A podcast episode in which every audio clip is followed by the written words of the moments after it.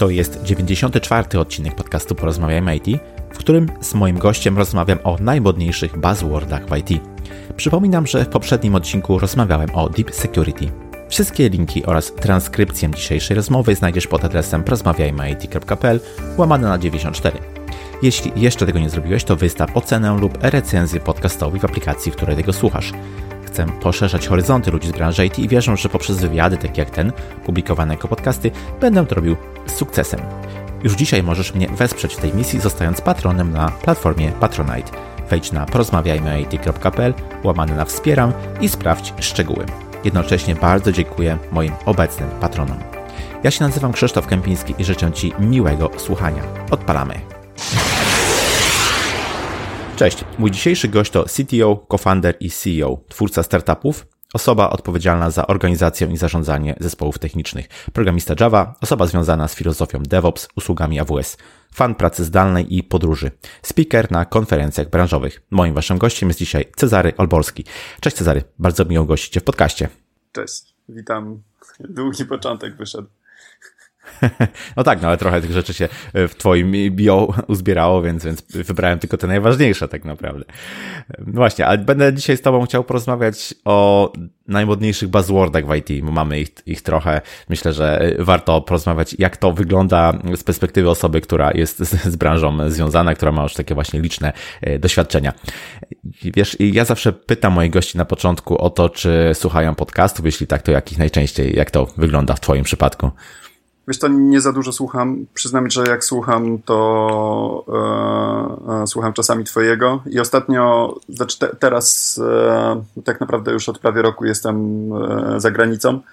E, mhm. I e, mówię po angielsku i w sumie prowadzę projekty po angielsku, ale stwierdziłem, że teraz przycisnę angielski, więc słucham jakichś takich anglojęzycznych.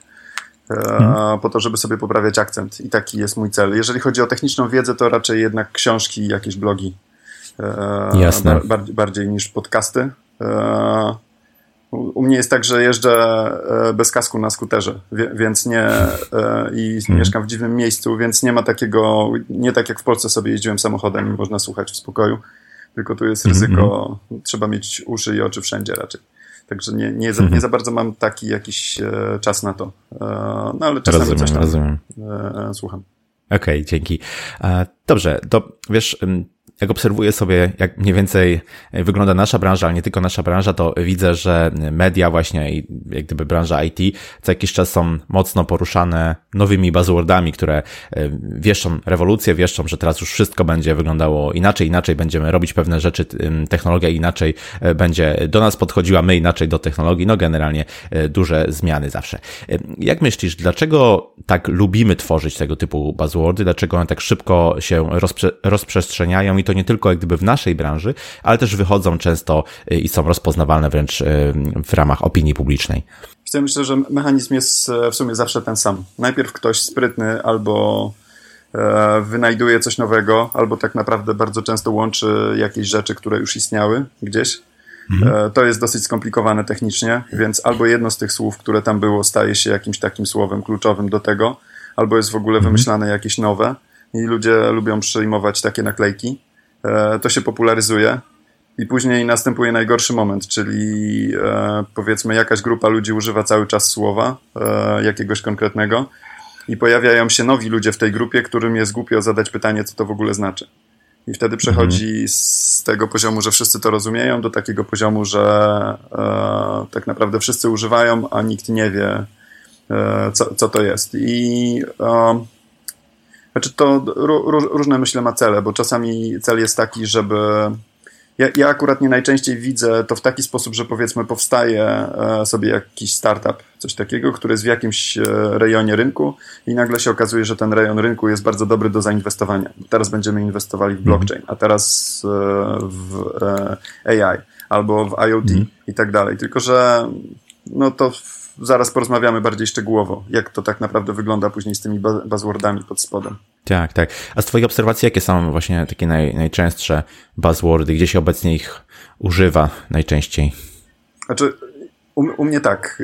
Ja ostatni rok, w sumie już wie, więcej niż rok, głównie blockchain i jestem w szoku -hmm. w ogóle, jak mało ludzi rozumie, co to znaczy blockchain. I to hmm. dla mnie jest topowy ca cały czas. Chmura też jest zupełnie niezrozumiała.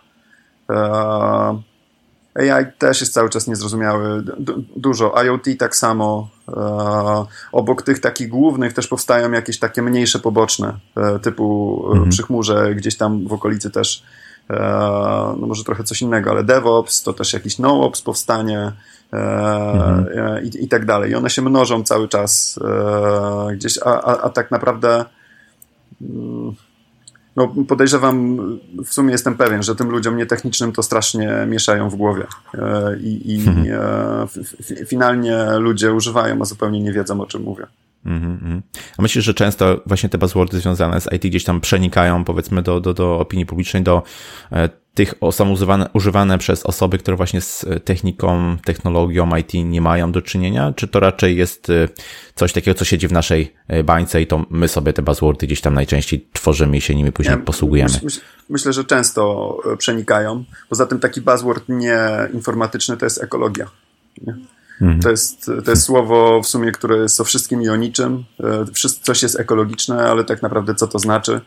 E, e, z naszej grupy myślę, że IoT jest tak, takim buzzwordem, mhm. który, który, który, że wszystko jest IoT, ale tak naprawdę no faktycznie prawie wszystko jest IoT, mhm. więc ciężko stwierdzić, co to tak naprawdę do, do, dokładnie jest i to, to daleko prze, przeniknęło. Mhm prawie o, ka o, każdym z nich. One w jakiś tam sposób przenikają, mniej lub groź, groźny sposób, ale myślę, że właśnie nieinformatyczny to jest ekologia, a informatyczny e, IoT, e, mhm. bo, bo to, to jest gdzieś na zewnątrz już bardziej używane. No właśnie, śledzące nas y, kamery na każdym rogu, inteligentny toster. Jest to trend technologiczny, który e, mam wrażenie, że co roku jest e, trendem. Właśnie tutaj myślę o internecie rzeczy, czyli o IoT. Trend, czy też zespół technologii, no bo to właściwie jest zjawisko niż jakaś konkretna technologia, który łączy w sobie wiele różnych zjawisk, wiele różnych technik. Na czym według Ciebie polega niezrozumienie internetu rzeczy obecnie? Ja, myśl, ja myślę, że IoT to jest bardzo taki szeroki zakres, bo e, hmm. akuratnie tak się zdarzyło, że ja teraz chcę robić e, w sumie głównie dwie rzeczy, albo właśnie blockchainowe, albo chmurowe, bo, bo takie mam dwie firmy, ale gdzieś na hmm. początku tego roku wymyśliliśmy sobie taki projekt RD, żeby w urządzeniach e, właśnie e, IoT zrobić taką autonomię, że mam grupę urządzeń, która jest w stanie autonomicznie podejmować decyzje albo akceptować nowe urządzenia w grupie. No i zaczęliśmy mhm. badać ten rynek tak dokładniej, żeby określić, e, czy jest jakaś standaryzacja urządzeń i tak dalej. I właśnie buzzword polega na tym, że jak e, taki normalny człowiek, który ma dom w miarę nowoczesny, myśli sobie o IoT, to myśli sobie, że E, nie wiem, może ma lodówkę jakąś albo odkurzacz e, w domu e, autonomiczny, który, który, który jeździ, może ma jakieś mhm. czujniki, które mu coś wykrywają proste, ale tak w ogóle tam nie ma standaryzacji. Jednak większość tego rynku, taka, w której chciałoby się robić biznes, to jest zupełnie inna. To są jakieś takie czujniki, które bardzo nisko, są niskoprądowe. One wysyłają jakieś mhm. ekstremalnie proste informacje E, sam ten rynek, jak śledziliśmy, to się okazuje, że. Znaczy, teraz tam odkryliśmy świetną rzecz. Ja sobie nie, nie, trochę nie wyobrażałem, że to tak wygląda. Jest taka platforma, e, chyba jakaś chińska, nie, nie pamiętam dokładnie, Tuja się nazywa, gdzie możesz mhm. sobie wejść. Wyklikasz sobie e, jakieś moduły, które chcesz mieć w urządzeniu, i chińska fabryka ci złoży to i wyśle ci gotowe urządzenie. Hmm. Takie, nie wiem, chcesz mieć urządzenie, które ma Wi-Fi, e, ma jakieś tam oprogramowanie i tak dalej. I oczywiście to urządzenie, poziom bezpieczeństwa tego urządzenia dramat. E, hmm. Wszystkie dane przepuszcza przez właśnie tą chmurę tej platformy.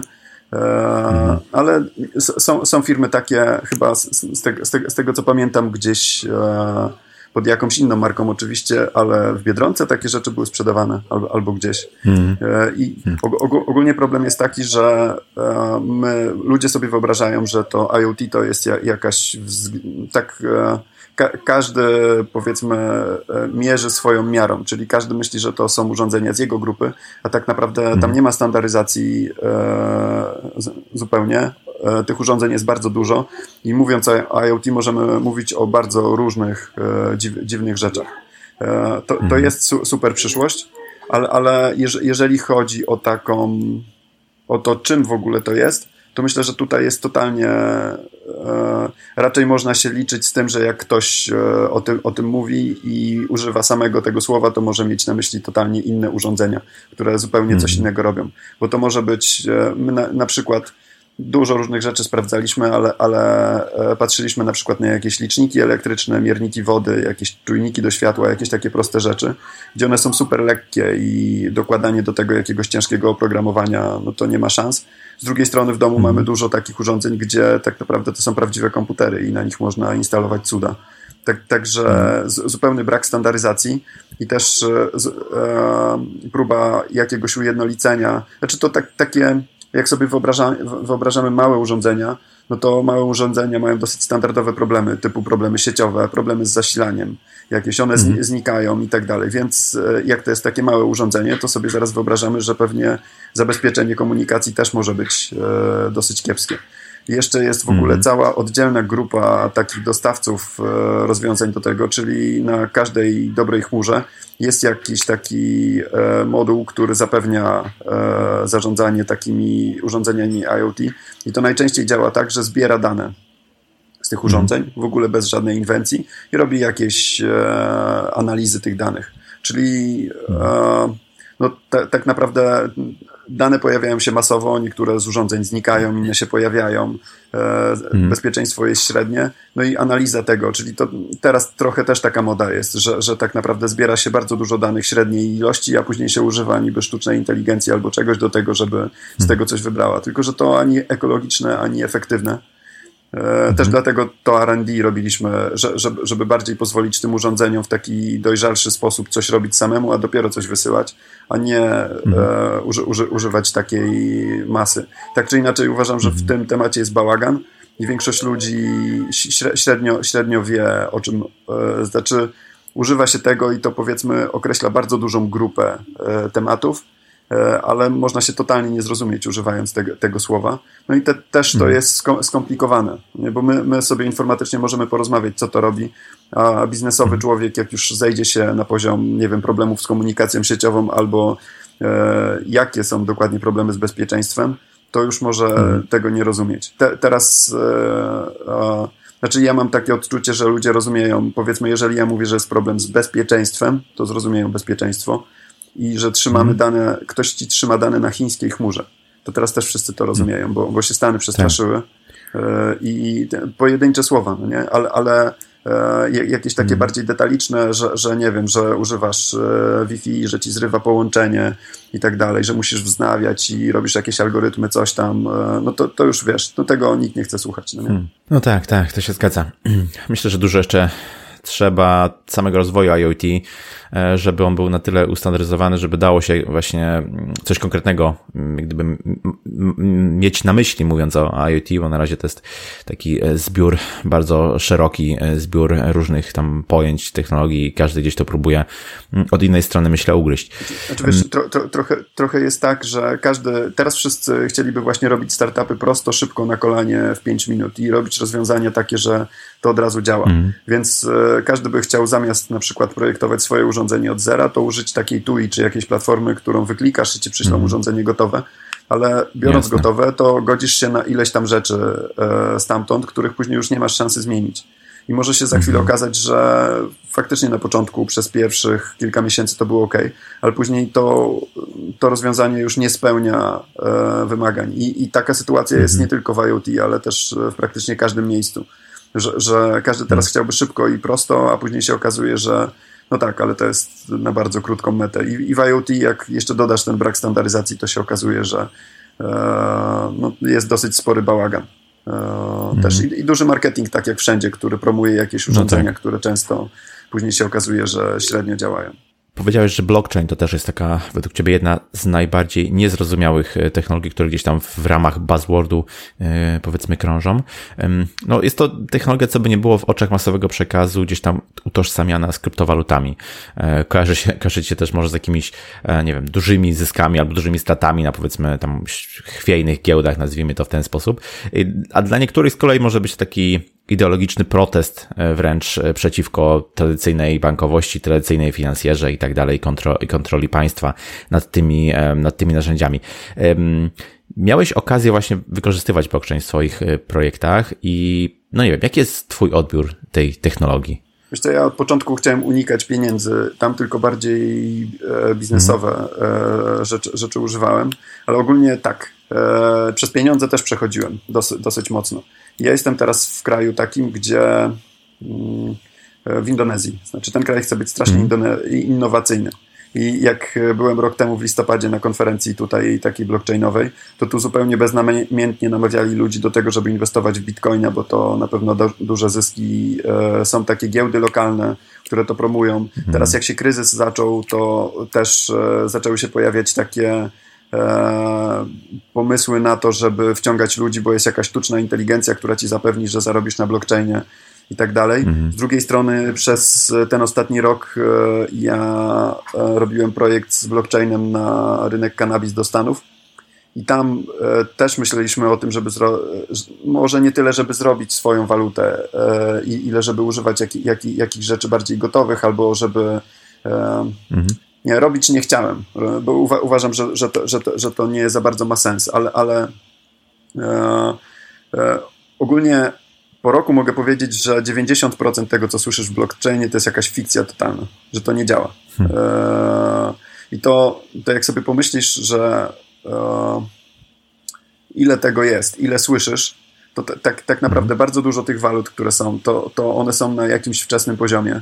Poziom ich stabilności jest tragiczny. E, część e, tych ludzi, która robi te rozwiązania, to są jakieś projekty naukowe takie i nie wiem, inwestujesz w walutę, a człowiek ci powie po trzech latach, że on nie przewidział, że to tak długo będzie działało. Tylko on myślał, że po mhm. dwóch latach zrobi refaktor taki głęboki, e, bo to po prostu się wyskalowało do takiego poziomu, że to nie ma szans działać, będzie wolne teraz. Też, mhm. znaczy poziom, właśnie jak dla mnie z tych buzzwordów, które ja spotkałem, to ten jest najniebezpieczniejszy, bo jest moda mhm. na inwestycje w blockchain, ludzie wchodzą w to, ale zupełnie nie, inwestu, nie, nie rozumieją tak naprawdę konsekwencji. Jeszcze ja poszedłem w ten blockchain taki bardziej biznesowy, e, czyli e, wymyśliłem sobie coś takiego, że będę e, zapisywał w, zwiększę transparentność procesów biznesowych przez zapisywanie zdarzeń na chmurze w taki sposób trwały, potwierdzany przez publiczną sieć. I na smart kontraktach mhm. będę realizował procesy biznesowe, czyli to, jak sobie wyobrazić jakieś zamówienie, czy możesz przejść z punktu A do B, to musisz spełnić jakieś warunki i to ten smart contract ci e, to, to mhm. sprawdza. E, I tam zrobiliśmy taki dosyć duży research do tego i też się okazało, że nie wiem, są firmy takie, które się chwalą tym, że dostały od jakiegoś IBM albo od kogoś e, miliony dolarów na rozwój.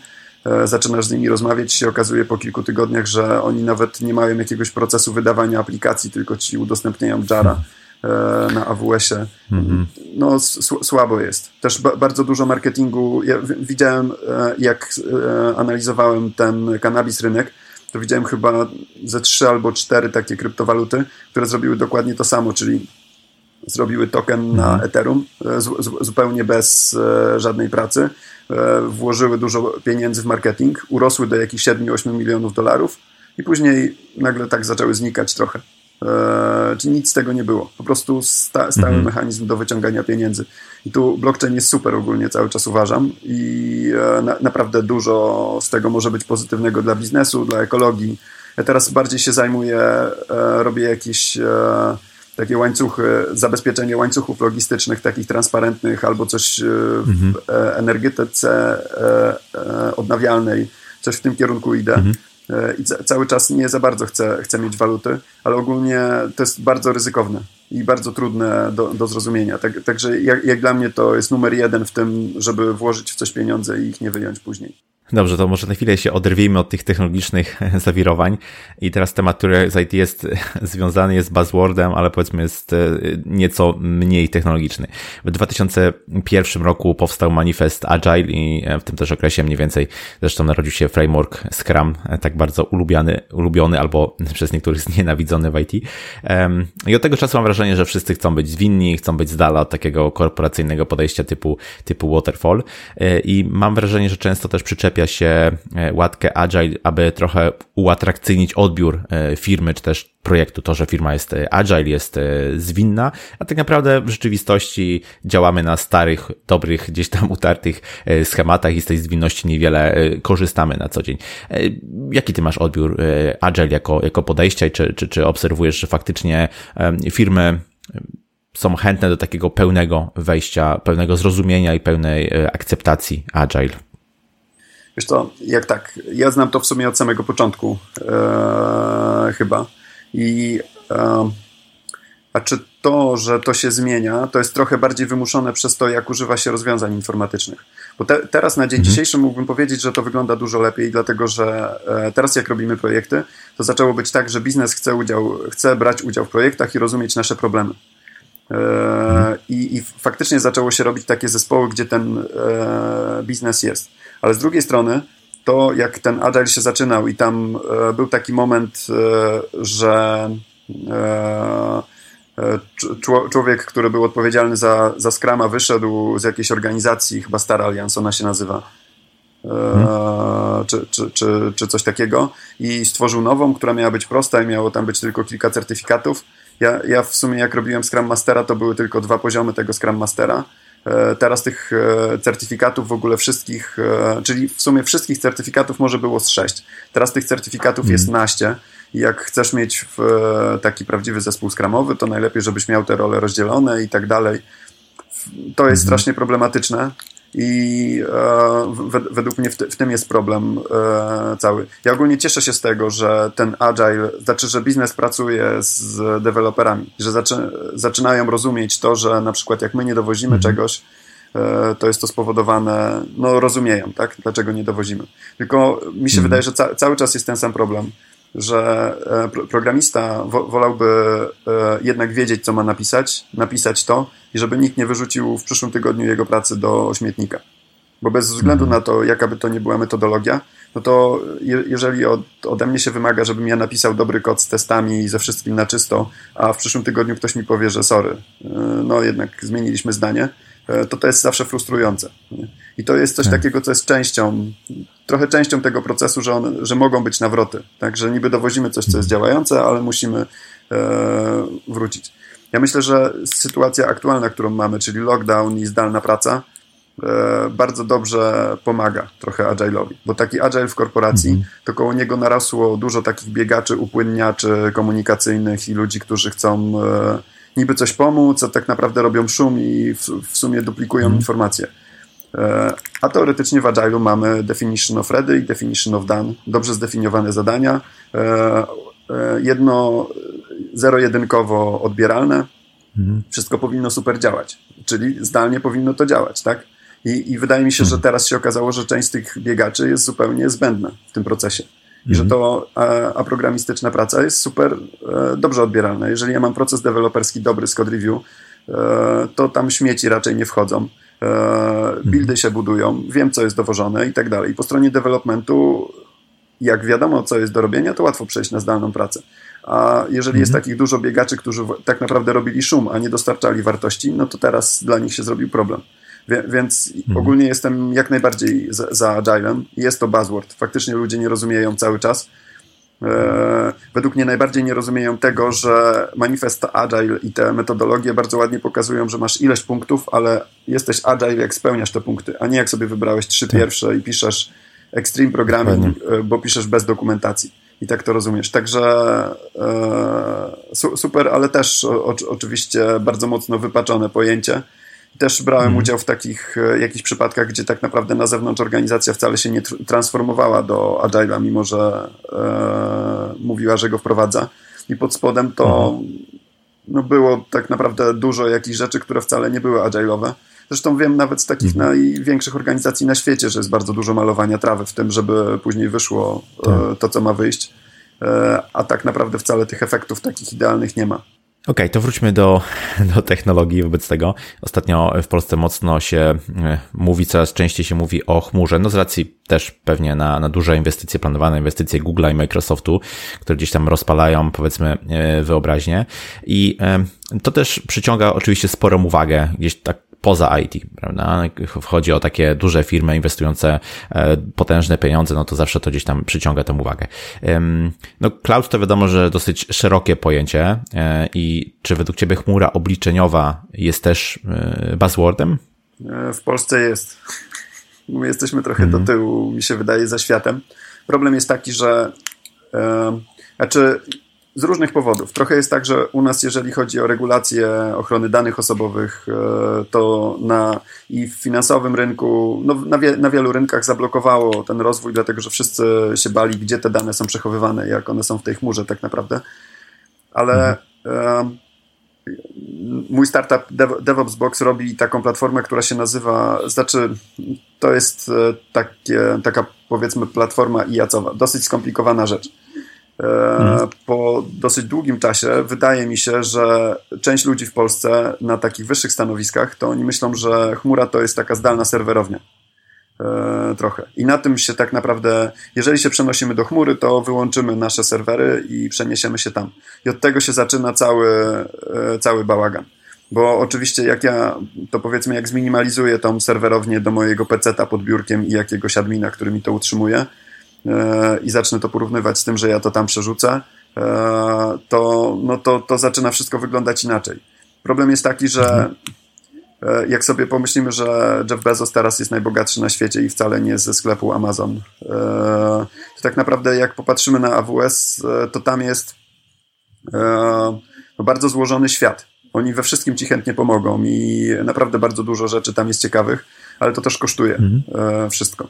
To rozwiązanie, które ostatnio ja robiłem i to było rozwiązanie na takim poziomie, że potrzebowało kawki i elastika, miało być skalowalne, takie naprawdę mikroserwisowe, duże, do tego, żeby szybko mhm. ob objąć swoim zakresem bardzo dużą e, liczbę klientów. Jest, to jest e, no, dla takiego małego startupu zrobienie czegoś w takiej architekturze w Polsce to jest zupełnie nieosiągalne. Bo tam, jak my policzyliśmy ko koszty e, stojącej takiej infrastruktury, e, to ona wychodziła między 3 a nawet do 5 tysięcy dolarów miesięcznie. To u nas w Polsce ktoś mhm. rocznie chciałby e, na infrastrukturę tyle wydać. Także tam jest dużo ryzyk tak. i zupełnie niezrozumienie tego, co jest, i właśnie próba upraszczania tego, że przeniesiemy się do chmury w taki sposób, że nasze wirtualki przerzucimy na AWS i ogłosimy sukces w ciągu dwóch tygodni, że już tam jesteśmy, że coś mamy na chmurze ale to jest zupełnie właśnie taka buzzwordowa fikcja. Bo, bo tam też są wszystkie te problemy, że musimy zrobić jakieś bezpieczeństwo sieciowe, musimy zrobić dostęp. E, jeżeli mamy, chcemy to łączyć, to musimy zrobić jakieś połączenie sieciowe i tak dalej. Też e, problem mhm. jest taki, że to w sumie powód, dla którego my zaczęliśmy robić ten startup, to jest taki, że teraz bardzo często się zdarza, że powiedzmy trafiasz do projektu e, takiego, który ktoś powiedział, że e, wymyślił, że będzie architektura mikroserwisowa i będziemy robić to w chmurze. I proszę bardzo, tu mhm. masz e, login i hasło do chmury, ona jest pusta i powodzenia z, z Javowym zespołem deweloperskim. I wtedy tak hmm. naprawdę Javowcy, czy jacykolwiek inni programiści, ale nie tacy przygotowani do tego, zaczynają robić ci platformę, czytając w internecie i ucząc się tego wtedy, bo ją trzeba zrobić. Oczywiście, jak już ona urośnie trochę, no to wtedy ta mhm. organizacja zaczyna używać i tak dalej. Kwestia, czy to, co powstało, to jest w ogóle dobrej jakości, czy był czas na to, żeby myśleć o tym. Jeżeli celem, tak. E, jeżeli mamy, wrócimy do Agile'a i mamy ten biznes, któremu ja od miesiąca tłumaczę, że ja teraz chcę e, C i CD proces postawić i sorry, że wam nie dowożę ekranów E, teraz. Mm. Także to też jest strasznie komplikujący e, buzzword. Na zachodzie bardziej się to rozumie. Mm. Wydaje mi się, oni bardziej są przyzwyczajeni do tego, żeby coś, coś takiego, znaczy, żeby bardziej, bardziej już domyślnie chmury używają, niż to, że mhm. wychodzą z jakichś serwerowni. Może, może moje spojrzenie trochę jest przez taki większy biznes w Polsce i przez takich, którzy chcą, chcą to łączyć hybrydowo, Dlatego mi się wydaje, że to tak słabo wygląda, ale też jak z kilkoma osobami rozmawiałem e, z takich DevOpsowych e, właśnie startupów, to wszyscy mówili, że w Polsce to w ogóle nie ma o czym gadać z tymi ludźmi, bo oni hmm. po prostu cały czas uważają, że to jest zdalna serwerownia i nie widzą nawet jeszcze tych zagrożeń. A problemy z tymi hmm. projektami są takie, że bardzo często jak e, nie wtopisz robiąc tą platformę, to nie będziesz wiedział, że to jest problem. Dla mnie, ty powiedziałeś, że blockchain jest według ciebie jednym z takich najbardziej, powiedzmy, tematów niezrozumiałych. Dla mnie osobiście największym buzzwordem jest, jest AI, bo to jest po prostu pojęcie rzeka, pod to można wszystko prawie podpiąć. I z tego mojego świadka programistycznego, no to albo mówi się, że powiedzmy, że sztuczna inteligencja zabierze nam pracę, tak, że w przyszłości, nie wiem, sama będzie pisała kod, sama będzie go testowała, albo mówi się, że, no nie wiem, po prostu zagwarantuje nam dostatnie życie, no bo będzie ten dochód gwarantowany, y, ma maszyny i sztuczna inteligencja będzie, będzie pracowała, więc zależy, gdzie ucho przyłożyć, tak, tam powiedzmy różne mm, głosy, różne opinie na temat y, AI się słyszy. Myślę, że też jest duże niezrozumienie tego, czym to tak naprawdę jest. Samo pojęcie sztuczna inteligencja jest tutaj pewnie bardzo mylące i wprowadzające w błąd, no bo myślę, że zgodzisz się ze mną, że jeszcze daleko jesteśmy od czegokolwiek, co jest inteligentne e, samo sobie. No właśnie, jakie ty masz podejście e, do, do, do AI? Czy według ciebie to jest duży buzzword obecnie? Czy jest tylko, bo o tyle, o ile o tych wszystkich, jak rozmawialiśmy o IoT i o blockchainie, to cały czas to jest taki buzzword popularny dla funduszy inwestycyjnych. Czyli jak robisz mhm. startup IoT albo blockchainowy, to pewnie trochę łatwiej ci znaleźć pieniądze. E, AI jest już trochę spracowany. Już nie, nie za bardzo ktoś chce inwestować. Z takiego mojego prywatnego mhm. życia, gościa, który zostawił w Polsce odkurzacz autonomiczny, a teraz jeździ po Indonezji samochodem i używa googlowej mapy, ja wiem, że tej e, inteligencji naprawdę jeszcze dużo brakuje, żeby ona się do czegokolwiek mhm. e, nadawała. Więc tro, trochę mhm. się nie boję. Z, dru, z, drugiej, z drugiej strony ja trochę, może nie jestem jakiś bardzo stary, ale jeszcze jestem z takiego czasu, że e, wiedzę się e, brało się z internetu, ale też się brało z książek. I e, w sumie przeszedłem cały mhm. ten czas taki, że jednak no, rozumiem też, że nie wszystkie rzeczy w internecie są prawdziwe. I to jakieś mhm. dwa lata temu na, na konferencji widziałem w, w, w Niemczech taki sklep, który bardzo inteligentnie ci podpowiada kwalifikuje cię, znaczy z, zrobił mikrozakupy, czyli tak jakby nie płacisz za do, dostawę, czyli e, bez mm. problemu możesz sobie zrobić to, że na przykład teraz zamówisz dwa banany dzisiaj, nie musisz jutro zamówić, zamawia, znaczy nie mówisz, jeżeli potrzebujesz dwa banany na jutro, to zamówisz jutro, a nie dzisiaj, bo cię to nic więcej nie kosztuje, po prostu będziesz miał świeże. Ale oni tam dodali okay. dużo innych mądrych rzeczy, typu E, że e, kwalifikują, powiedzmy, mają miasto, mają grupę wiekową, mają twoje wykształcenie, mają twoją historię zakupów i dużo innych rzeczy. Kupujesz u nich i oni za chwilę ci powiedzą, że ej, gość w twoim wieku i z twoim wykształceniem to w piątki zamawia banany i mleko, a ty nie zamawiasz. Może by ci to przypasowało. Mhm. No może, w sumie. Po kilku tygodniach powie ci, że ej, w czwartki to ty zawsze zamawiałeś płatki jakieś, a w tym tygodniu nie zamówiłeś. No może, i, i powoli e, to zaczyna wyglądać. To jest przykład jakiś tam głupi, ale ogólnie jest tak, że powoli to mhm. zaczyna powodować, że my bardziej zaczniemy wierzyć komputerowi niż sami, sami sobie. I to, to jest jakiś taki moment mhm. niebezpieczeństwa. Tak czy inaczej, to tro, trochę odchodzi od buzzwordu i to jest zupełnie inny temat, o którym dużo, dużo można gadać. E, jeżeli chodzi o AI, to wydaje mi się, że problem z tym trochę jest taki, że często ludzie myślą, że coś e, mają jakiś bałagan w procesach swoich e, w firmie i myślą, że to jest tak skomplikowane, że to sztuczna inteligencja musi ogarnąć, a później jak zaczną robić mhm. projekt, to się okazuje, że tam nie ma sztucznej inteligencji. Po prostu trzeba było rozpisać te algorytmy, bo to są standardowe algorytmy. Też ludzie zapominają o tym, mhm. że ta sztuczna inteligencja potrzebuje danych do tego, żeby się nauczyć na tym.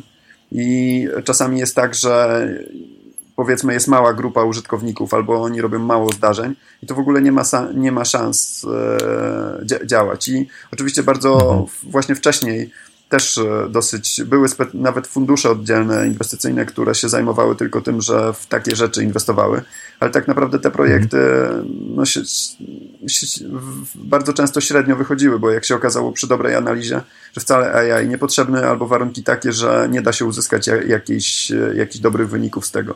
Także to też buzzword. Ja akurat nie, e, nie robiłem takiego projektu, żeby, żeby mi e, coś takiego było potrzebne. Mhm nie wiem, jak, jakoś mnie nie, nie ciągnie. Ja, ja teraz e, trochę idę w ekologiczne klimaty i też e, i tak jak patrzę na, na to, ile blockchain ciągnie prądu e, w niektórych przypadkach mhm. bez sensu, tak patrzę też na to, ile my danych składujemy na dyskach zupełnie bez, bez, e, bez pomysłu.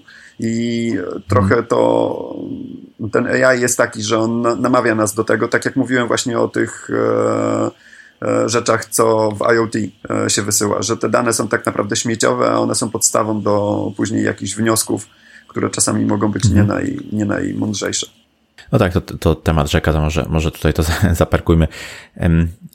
Jak sobie ostatnio patrzyłem w raporty związane z zatrudnieniem na rynku IT, to e, jasno widać, że specjalizacja pod tytułem DevOps wybija się na, na prowadzenie, jeśli chodzi o taki przyrost, jak gdyby potrzeby na, na rynku właśnie zatrudniania inżynierów, specjalistów z tego, z tego obszaru. I też mam wrażenie, że to jest trochę buzzword, bo um, szumnie niektóre stanowiska nazywane są właśnie mianem DevOps, a tak naprawdę poszukujemy kogoś, kogo ja nazywam takim administratorem 2.0, czyli osobą, która, która e, zarządza powiedzmy jakimiś tam usługami, może serwerami, e, ale z samym podejściem, z całą filozofią DevOps to ma tam powiedzmy mało do, do mało wspólnego, mało do czynienia. Nie wiem, co, co, co ty myślisz, czy, czy DevOps to też jest jakiś rodzaj buzzwordu? Wiesz co, to, to, to zależy. Mój, mój wspólnik, e, ten z tego DevOps Box, on e, ma całą filozofię na ten temat, kto to jest e, DevOps i mhm. to jest nowa rola. Też my, my kiedyś akurat nie wspólnie z nim pracowaliśmy dla jednej firmy to było jeszcze lata temu, zanim e, w ogóle to słowo zaczęło być używane. I on mówi, że ta organizacja pracowała w tym duchu, ale żeby nie odbiegać za daleko. Ogólnie jest tak, że mhm. e, czasami e, to faktycznie oczekujemy takiego administratora 2.0, bo w ogóle nie mamy tam żadnych DevOpsowych rzeczy, ale czasami jest tak, że na przykład jak my, my piszemy platformę, która jest IAC-owa i e, to jest regularny software'owy projekt. Kod trzymamy w repozytorium, mamy testy popisane do tego, wydajemy wersję, e, e, są testy jednostkowe, są testy integracyjne, które coś tam stawiają i tak dalej. I my piszemy, mhm. wcześniej pisaliśmy dużo w Javie, teraz, teraz więcej e, zaczynamy pisać w Go. Tak czy inaczej, e, to nie jest takie proste, żeby administratora z tego starego typu przekształcić do DevOpsa. E, dlatego, że mhm. administratorzy w dużej mierze pisali skrypty i też w dużej mierze nie pracowali w projekcie, w którym się pisze w grupie e, i nie robili mhm. review kodu. Więc e, jeżeli chcemy rekrutować e, DevOpsa prawdziwego, który nawet miałby się uczyć na przykład pisania w chmurze, to wcale e, mhm. zrekrutowanie administratora nie jest najprostszą drogą, bo się może okazać, że musimy go dużo więcej nauczyć niż takiego na przykład Javowca. Gdzie, mhm. gdzie to chmura nas odciąża od tego, żebyśmy nie robili za dużo, bo w sumie płacimy za to, więc ktoś nam tam, nie wiem, update'uje jakieś rzeczy, jakieś patche wgrywa i tak dalej i ta administracyjna wiedza wcale nie jest potrzebna. Ale to, to jest jak najbardziej e, buzzword. Jest też obok tego buzzword, który się nazywa NoOps. E, czyli to w ogóle mhm. taki świat, w którym nie potrzebujesz DevOpsa żadnego, że wszystko ci się dzieje samo. Oczywiście jak ktoś ci zrobi mhm. najpierw to, ale tak, to jest zupełnie niezrozumiałe. No, popularne bardzo, bardzo. Wszędzie, gdzie by tam nie spojrzeć, to coś o DevOpsach się zobaczy. Dobra. Takim rodzącym się buzzwordem z kolei według mnie są komputery kwantowe, które rozpalają e, wyobraźnię pod względem powiedzmy e, mocy obliczeniowej, aczkolwiek ciężko to, to porównać e, tak naprawdę do, do tradycyjnego krzemu.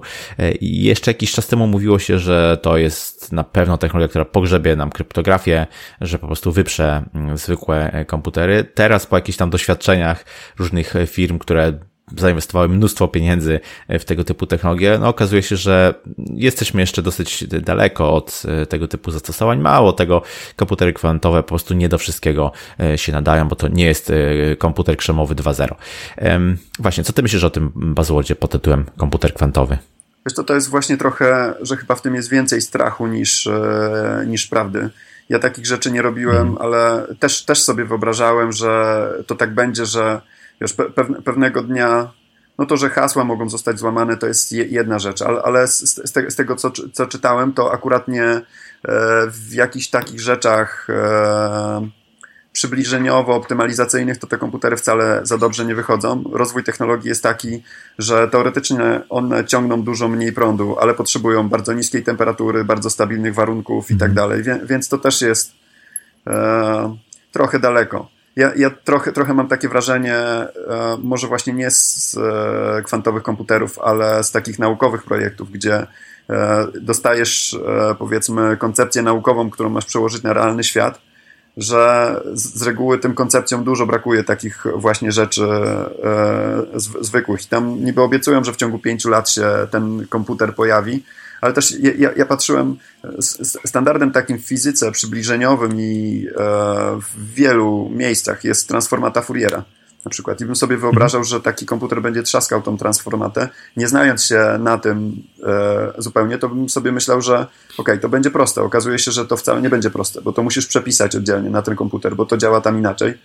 I e, to nie jest łatwo tak rozpropagować. Czyli, czyli to może i nasze hasła zostaną złamane. Może te blockchainowe rzeczy będą się mogły e, dziać dużo e, szybciej ale też z drugiej strony sam blockchain odchodzi od e, takiego proof of work, gdzie musisz wykopać coś kryptograficznego, mhm. e, a bardziej przechodzi na jakieś inne, bardziej e, inteligentne algorytmy, żeby na przykład weryfikować poprawność i, i tego, tego typu rzeczy. Myślę, że jakby te komputery weszły, to mogą nas w kilku rzeczach e, zaskoczyć, ale z drugiej strony też istnieje na rynku już tyle rozwiązań bez komputerów kwantowych, typu otwierasz mhm. stronę i masz e, w czasie otwarcia strony aukcję e, do tego, jaką reklamę ci ten serwis wyświetli, kto, kto da więcej. I to się dzieje w bardzo krótkim czasie. Do tego żadnych kwantowych mhm. komputerów nie trzeba, bo to już teraz szybko działa.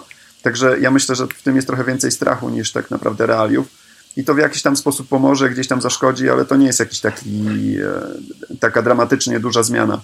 E, no, mhm. myśl, myślę, że to jest z tej grupy strachu z AI-em. Tak samo, że ktoś będzie mądrzejszy od nas i będzie podejmował decyzje. No, trzeba po prostu mieć świadomość no tak. tego I, i, i tyle, ale nie ma się co bać. Przyjdzie tak jak wszystko inne. Okay, rozmawiamy sobie teraz, nagrywamy podcast, czyli jakby nie było, trochę mamy do czynienia z technologiami głosowymi.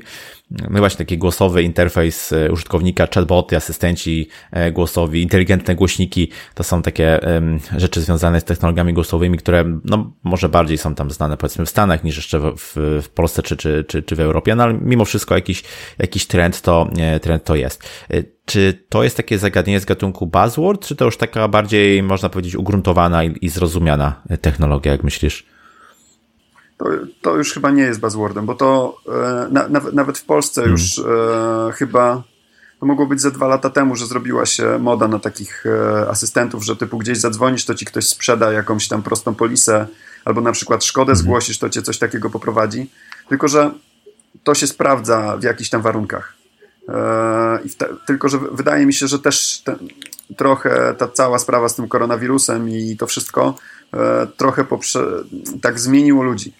Że ludzie, ludzie trochę bardziej się zatrzymali, mhm. poczuli trochę bardziej takiej indywidualności i też trochę bardziej indywidualnie chcieliby być traktowani. Więc ja na przykład e, powiedzmy, je, jeżeli sobie wykupiłem mhm. jakiś premium pakiet e, e, w mojej polisie, E, mam jakiś super assistance i tak dalej, powiedzmy, mogę się czuć bezpiecznie z tym. Jadę gdzieś, mam wypadek i teraz będę przechodził przez jakiegoś mhm. asystenta i roztrzęsionym głosem mówił tak, nie, e, żeby przejść, to stwierdzę, że już chyba więcej nie kupię w tej firmie e, tego. Bo, bo normalny człowiek mhm. mi jest w stanie skrócić tą drogę i okazać jakieś tam powiedzmy uczucia, tak? I czuję się wtedy indywidualnym klientem, a nie gościem w piątej szufladce, który właśnie mhm. gdzieś, gdzieś tam wisi. I, i właśnie w tym jest, e, w tym jest pewnie blokada rozwoju e, do, do, do tego typu e, produktów. Dla, dlatego, że ci mhm. te chat, chatboty i, i, tego typu rzeczy, no to jest, wracamy do sztucznej inteligencji. One mają ileś tam scenariuszy i e, mhm. często jest tak, że teraz coraz mniej możesz e, znaleźć w firmach to, że sobie wchodzisz gdzieś i e, możesz zadać pytanie człowiekowi. E, taki chatbot cię prowadzi po ich e, do, dokumentacji i nawet celowo oni ukrywają wszelkie inne kontakty po to, żeby e, tej komunikacji się pozbyć. I to nie, to nie jest. No to jest tak, że po prostu dochodzi do momentu, że zostajesz pozostawiony tak jakby sam sobie. Chyba w żaden sposób się nie możesz poczuć premium klientem, jak, jak jesteś zostawiony sam, sam, sam sobie. I to, I to jest jakaś blokada e, mhm. do, do rozwoju. Z, z, drugiej strony teraz e, zaczyna być trochę fobia, jeżeli chodzi o in, inwigilację e, wszystkich e, mhm. ludzi i to, że nie wiem, jakieś głośniki mnie podsłuchują w domu, tego typu rzeczy. I to jest następna blokada. To weszło i, i to jest wygodne, że mogę sobie zarządzać muzyką, e, mogę powiedzieć e, Siri, zrób mi coś i, i, i, tak dalej, ale jest, jest dużo strachu w tym, więc ja nie myślę, że to jest buzzword, bo to już mamy. Nawet nie wiemy, że mamy, mhm. bo co mnie zdziwiło, to że mam jakiegoś starego Maca z CD-ROMem i się zdziwiłem, że on jak jest zamknięty, to też mnie słucha bo na przykład e, mhm. e, leżał kiedyś koło lodówki i zauważyłem, że on akurat nie był na tyle stary, że po prostu jak się włączał, to włączał wiatraki. Dziwiło mnie, że jak się lodówka mhm. włącza, to on włącza wiatraki też, mimo że jest zamknięty. I najpierw nie widziałem w ogóle związku, ale po pewnym czasie mhm. zrozumiałem, że tak naprawdę jest cicho w domu i on wykrywa ten dźwięk i to go wzbudza, więc on cały czas słucha mhm. te, tego, co jest. Ja tam nie boję się tego, ale no, wiem, wiem, wiem, że ludzie, niektórzy mają dosyć poważne blokady z tym, że na pewno to gdzieś wysyła i ktoś analizuje wszystko. Jasne, okej, okay. czy to jest technologia, która już nas e, otacza, już gdzieś tam po prostu, powiedzmy wsiąkła w nasze, w nasze życie. Mhm. A powiedziałeś, że dużo danych e, zbieramy, dużo danych e, zapisujemy. Mm, mówi się, że dane to jest takie nowe złoto, nowa, nowa waluta wręcz. Biznesy chcą być data driven, analizujemy je, szukamy jakichś wzorców i tak dalej, i tak dalej. Czy takie pojęcia jak big data, data mining, data ops to są buzzwordy nowoczesnej ekonomii według Ciebie? Myślę, że nawet nie tylko. Właśnie, bo już e, tak naprawdę wszędzie mhm. przez, to, e, przez tą modę na sztuczną inteligencję i właśnie na takie, może z tej sztucznej inteligencji wcale wychodzi, że ona jest niepotrzebna, e, tylko że właśnie jakaś mhm. konkretna analiza danych i przetwarzanie, to jednak to już mocno się spopularyzowało i tego jest bardzo dużo. I te, tego, tego nie unikniemy. To, jak, jak zwykle ma to, ma to swoje jak, jakieś tam, tam korzyści, ma też swoje ryzyka. Bo my, człowiek mhm. jest przyzwyczajony do powielania schematów, więc traci czujność tak naprawdę na czyjeś propozycje, e, które czasami może uważać nawet za swoje. E, bierze i po prostu robi, coś kupuje i, i tak dalej. No tak, tak czy inaczej to, to już mamy. Całościowo właśnie, jeżeli połączymy e, AI i tego typu rzeczy do przetwarzania danych, ja sam się zorientowałem w takim czymś, że E, jak się urodził mój syn 6 lat temu, już prawie 7, to zaczęliśmy dużo, e, dużo wrzucać zdjęć do mhm. Google'owych zdjęć, Google Photos. No i wrzucaliśmy, wrzucaliśmy. I e, też trochę tak e, sobie myślę, że kurczę, strasznie dużo tam składujemy już i no jeżeli wrzucasz nie w najwyższej jakości, to możesz składować e, bez ograniczeń. I którymś razem wyszło tak, że wrzuciłem mojej żony zdjęcie, która stała tak powiedzmy nie konkretnie tyłem, tylko tak bardziej e, trochę bokiem tyłem, ale zupełnie nie było widać jej twarzy, bardziej jedno mhm. ucho i włosy. I Google rozpoznał, że to jest moja żona tyłem. Hmm. I stwierdziłem, że to już jest kurczę level hmm. taki, że tak naprawdę już moją żonę tak cyfro, jest na tyle cyfrowa, że tak naprawdę w nawet jakichś takich e, zupełnie dziwnych pozach jest, e, mhm. mo, można ją rozpoznać. I e, nie wiem, jak na przykład Zoom Teraz, jak ten lockdown poprzedni się zaczął, to wszyscy mówili, że Zoom jest niebezpieczny, bo się można włamać i tak dalej. I tam ludzie płakali u mojego syna w szkole, że mhm. e, właśnie to jest niebezpieczne i nie powinniśmy używać. No, może jest i niebezpieczny, ale, ale tak naprawdę e, sami ludzie tyle wrzucają tych danych do internetu w, róż, w, różne miejsca nie do końca bezpieczni. I tu ten mój przykład też jest taki, że mój syn dokładnie tak samo jest zeskanowany jak moja żona i ja. E, że na, na, na, naprawdę e, trzeba się zastanowić, czy to bezpieczeństwo w sieci w ogóle istnieje teraz. E, mhm. Bo, bo, bo, pewnie raczej nie. Wracając do tych danych, no to tych danych właśnie są kosmiczne ilości e, i to chyba naturalna droga jest, że są przetwarzane, że podejmują jakieś decyzje. Też właśnie to, co z blockchainem się stało, to jest to, że blockchain się pojawił jako taki idealistyczny świat naukowców, że powiedzmy jest mniej pośredników, i tak dalej, nikt nie dodrukuje. Tyle, że e, ktoś nie mhm. przewidział, że można na tym robić e, takie operacje trochę forexowe, jak na innych walutach. Czyli powiedzmy, dużo sprzedam, mhm. zakłócę kurs, później dużo kupię i tak dalej. No i się okazuje, że właśnie analizując dane, te, które wysypują się z tej blockchainowej historii, no to bardzo łatwo robić takie rzeczy i, i wtedy E, już taka waluta teoretycznie niezależna i niepodatna na, e, na nic jest podatna, bo, bo dzisiaj kosztuje mhm. E, tyle, a jutro się w Stanach coś wali i się okazuje, że kosztuje, nie wiem, jedną trzecią mniej. Także te, te, dane są przetwarzane, to, to jest ważne. Trzeba mieć po prostu świadomość tego wszystkiego. Ja praktycznie mhm. żadnej z tych rzeczy, o których rozmawiamy, ja uważam, że nie trzeba się bać w żaden sposób, tylko trzeba mieć świadomość, że niektóre rzeczy jest bardzo trudno zrozumieć, E, też, no i niestety też niektórzy ludzie, którzy inwestują e, w coś, inwestują bardziej przez to, że ktoś im polecił, nie do końca rozumieją, wstyd, wstydzą się powiedzieć mhm. tego, że nie rozumieją, bo przecież to jest takie super popularne słowo e, i, i to, to wszystko komplikuje. Zgadza się. No trochę tutaj tych różnych buzzwordów poruszyliśmy. Czy myślisz, że w kolejnych latach będzie ich przybywało? Jeśli tak, to na przykład w jakich obszarach i czy to, to jest w ogóle taki, czy to, czy to jest w ogóle taki, takie zjawisko, z którym da się walczyć czy, czy w ogóle powinniśmy walczyć z buzzwordami? Ja, my, ja myślę, że chyba nie. Wiesz, to, znaczy to, to jest, trzeba hmm. rozumieć, że to tak jest. Człowiek, człowiek ma tendencję do e, robienia etykiet na coś. Te etykiety później zaczynają żyć. E, e, pojęcia są mylone i, i, i, tak dalej. To się, to się rozwija. Ja myślę, że e, siłą rzeczy, znaczy ekologia sama w sobie jest pełna buzzwordów nie spodziewałbym się, że jakieś takie coś w ogóle w IT czy gdzieś wyjdzie jakiegoś takiego mega przełomowego. Może wyjdzie coś e, z koronawirusem i z dystansowaniem się, no nie? No bo to teraz, teraz jest e, mhm. temat z, z, jakimiś medycznymi rzeczami, ale e, wydaje mi się, że w IT samym raczej będą się pojawiały takie drobniejsze, nie jakieś takie rewolucyjnie przełomowe za to z ekologii pewnie dosyć sporo może wyjść takich, które się bardziej spopularyzują przez to, że no, będzie ciśnienie na redukcję CO2, e, źródła odnawialne i tak dalej. Ludzie teraz będą chcieli być zdrowsi, e, no, teoretycznie może będą wolniej żyli, czyli taka tematyka może się mhm. popularyzować i podejrzewam, że w, te, w tej okolicy będzie, będzie więcej jeszcze niezrozumienia niż jest teraz, e, a teraz i tak już jest bardzo dużo. Okej, okay, dobrze Cezary, bardzo Ci dziękuję za tą wycieczkę po buzzwordach.